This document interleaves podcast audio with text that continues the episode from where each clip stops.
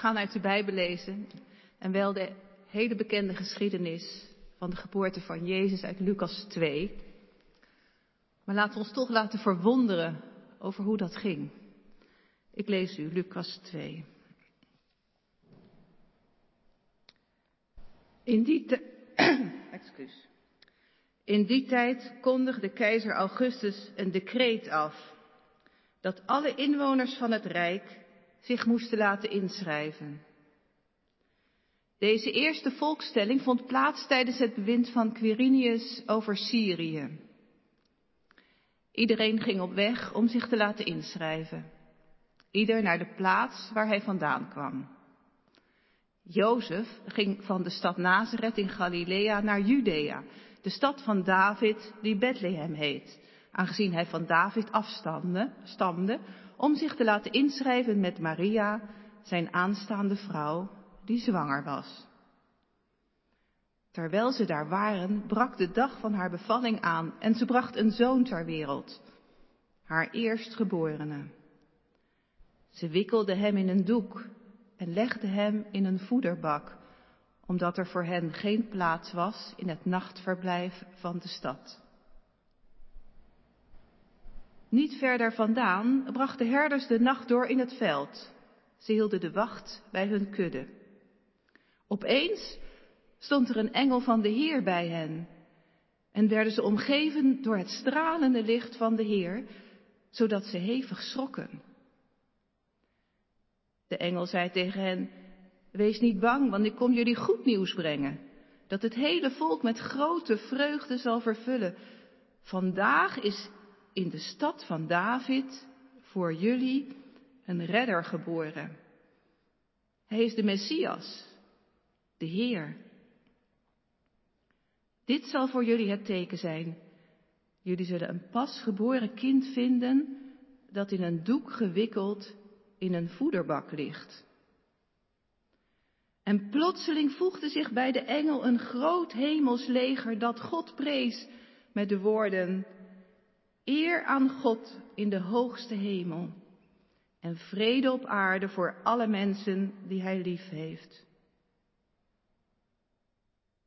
Toen de engelen waren teruggegaan naar de hemel, zeiden de herders tegen elkaar, laten we naar Bethlehem gaan om met eigen ogen te zien wat er gebeurd is en wat de Heer ons bekend heeft gemaakt. En ze gingen meteen op weg en troffen Maria aan en Jozef en het kind dat in de voederbak lag. Toen ze het kind zagen, vertelden ze wat hun over dat kind was gezegd. Alle die het hoorden stonden verbaasd over wat de herders tegen hen zeiden. Maar Maria bewaarde al deze woorden in haar hart en bleef erover nadenken. De herders gingen terug, terwijl ze God loofden en prezen om alles wat ze gehoord en gezien hadden, precies zoals het hun was gezegd. Tot zover deze geschiedenis. God zij lof. Amen.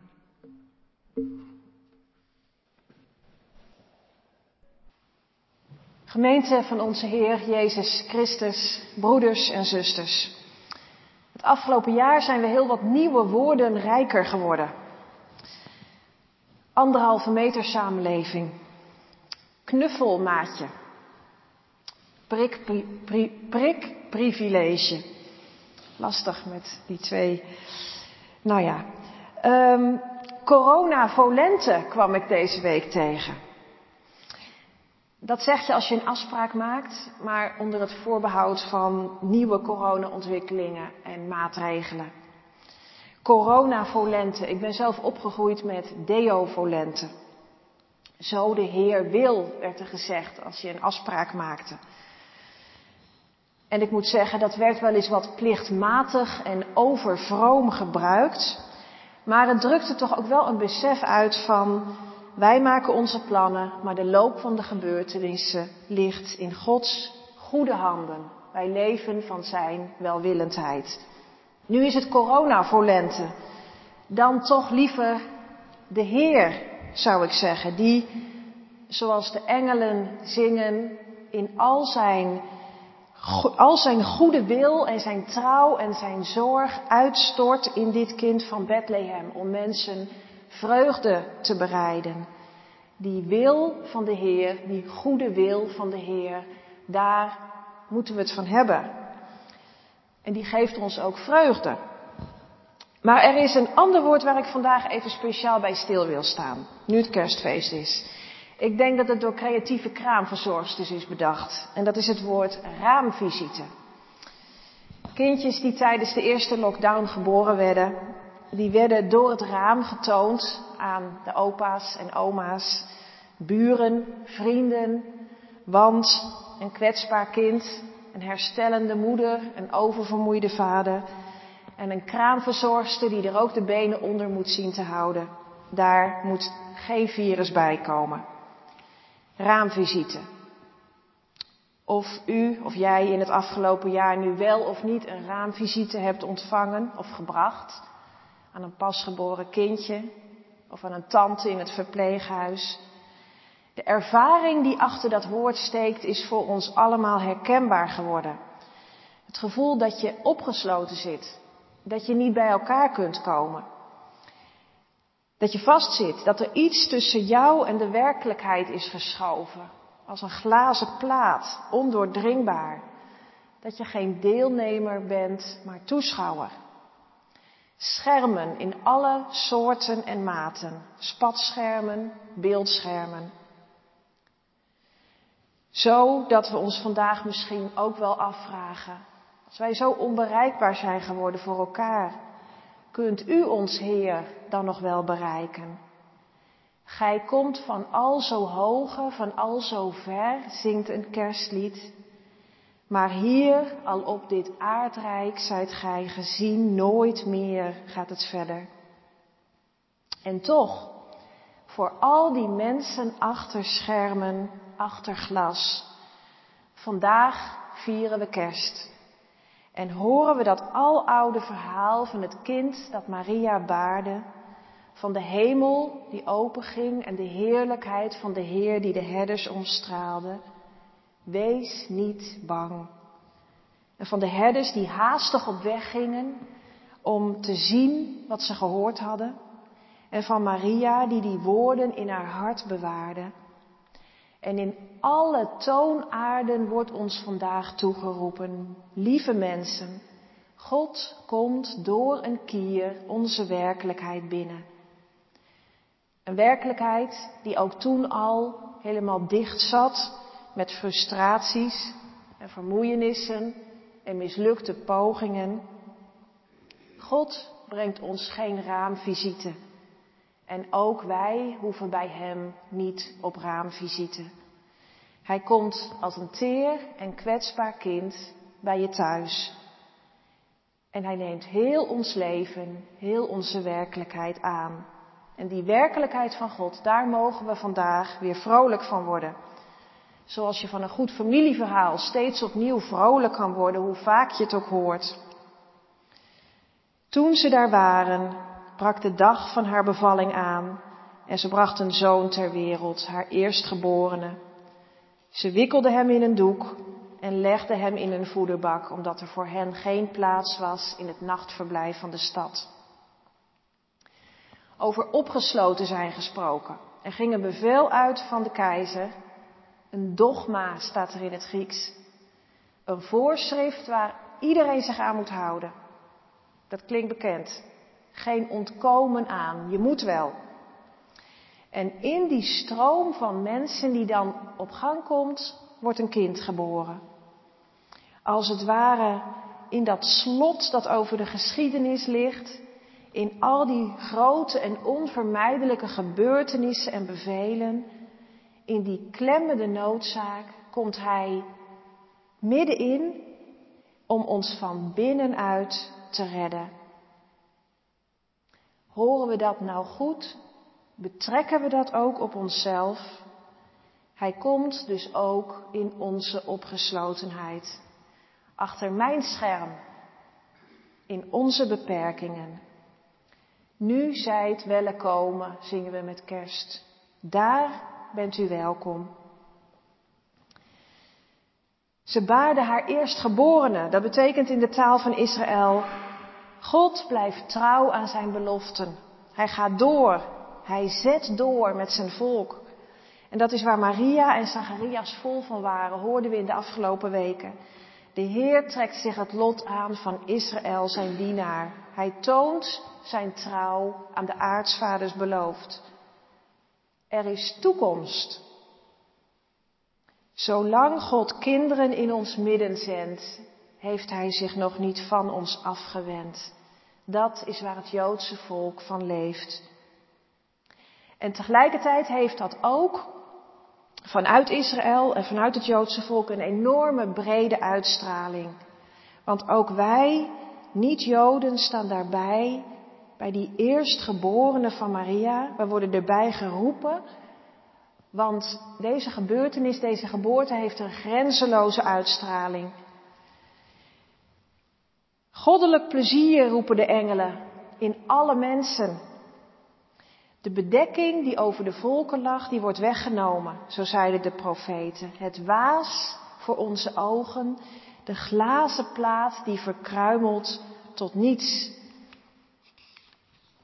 Haar eerstgeborene. En het is over die eerstgeborene dat de kerk zingt. Hij is God zelf, de eerste van de schepping, de dageraad, de sleutel van David, de Heer, het verborgen hart van alle dingen. Hij is het, God zelf, die deelt in onze sterfelijkheid, in mijn frustratie en vastlopen. Hij laat zich begraven, opsluiten in een menselijk lichaam om het van binnenuit te helen. Hij komt achter ons raam, achter de schermen die wij hebben opgetrokken zonder beschermende kleding waagt hij zich in een zieke wereld, onder mensen geplaagd door wantrouwen en angst. En daar geeft hij zich. Ze wikkelde hem in doeken en legde hem in een voerbak. Die doeken, die wijzen vooruit naar de doeken waarin ze zijn dode lichaam zullen wikkelen bij zijn begrafenis. Wat wil dat zeggen? Je zou kunnen zeggen, God, God is outgoing. Hij komt en hij geeft alles. In zijn geboorte en in zijn sterven en in alles daartussen is hij een en al geschenk. Hij laat zich tot op de draad verslijten om ons het volle leven te geven. Werkelijke liefde en zorg, daar slijt je als mens aan. Wie de ziekenkamer binnengaat waar het virus heerst. Wie zich werkelijk laat raken door een ander mens. Wie zich aan laat raken, die wordt zelf ook kwetsbaar. De moeder van dat explosieve kind, dat voor zijn emoties geen andere taal kan vinden dan woede. Liefde maakt een mens kwetsbaar en soms tot op de draad versleten. Een kind, God zelf, geboren voor jullie, horen de herders in het veld. Het kind, de Messias, die ook in jullie geboren wil worden, schrijft de apostel Paulus later. Christus die door het geloof in jullie harten woonplaats maakt. En we mogen zeggen, dat is dus al aan het gebeuren in onze levens, in deze wereld, in ons midden. Achter de deuren, achter de sloten die wij hebben aangelegd, heeft Hij de kier gevonden. En in die gebieden van het leven, waar wij soms denken, hier is alleen nog maar einde, daar opent Hij een nieuw perspectief. Daar waar vandaag misschien wel iemand eenzaam met de fles aan tafel zit, daar waar je het huilen je nader staat dan het lachen. Hij is gekomen, hij komt, hij zal komen. Niet alleen bij je, maar ook in je. Ja, zou dat nou inderdaad kunnen vandaag? Ook in ons? die opgesloten zijn in de angst voor de dood, dat Hij in je komt wonen en je van binnenuit verandert? Zou dat nou echt waar zijn voor jou die opgesloten zit in die groef van steeds weer zo zeggen en zo doen en zo reageren? Dat Hij daarin komt, in jou, en dat er iets nieuws geboren wordt? Zou het kunnen dat we ons daaraan overgeven, aan dit kind? En dat er iets van Hem ook in ons gaat groeien, een nieuw verhaal. De Zoon van God werd mens, zodat mensen Gods zonen, Gods kinderen zouden worden. Dat wij ongerept en rein nieuw geboren zouden zijn, zingt een ander oud kerstlied. Ongerept en rein, nieuw geboren. Afgelopen jaar overleed ons gemeentelid Annette. En meerdere keren vertelde ze me hoe ze een keer s'avonds in de oude kerk was, in een vesper. Een klein groepje mensen in het koor van de kerk. En dat de dominee toen rondkeek en zei, jullie zijn allemaal kinderen van God. Waarom vertelde Annette dat zo vaak? Ik denk omdat er in je leven ook hele andere stemmen kunnen klinken. Donkere stemmen die je naar beneden trekken, die je opsluiten. Dingen die je niet meer ongedaan kunt maken. Maar dat woord, jullie zijn allemaal kinderen van God, dat wilden ze aannemen en geloven en bewaren in haar hart, zoals Maria de woorden van de engel, van de herders bewaarde en koesterde in haar hart. En ze steeds opnieuw tevoorschijn haalde. En ze overwoog en er innerlijk op koude en die woorden als het ware wiegde in haar hart. Jullie zijn allemaal kinderen van God.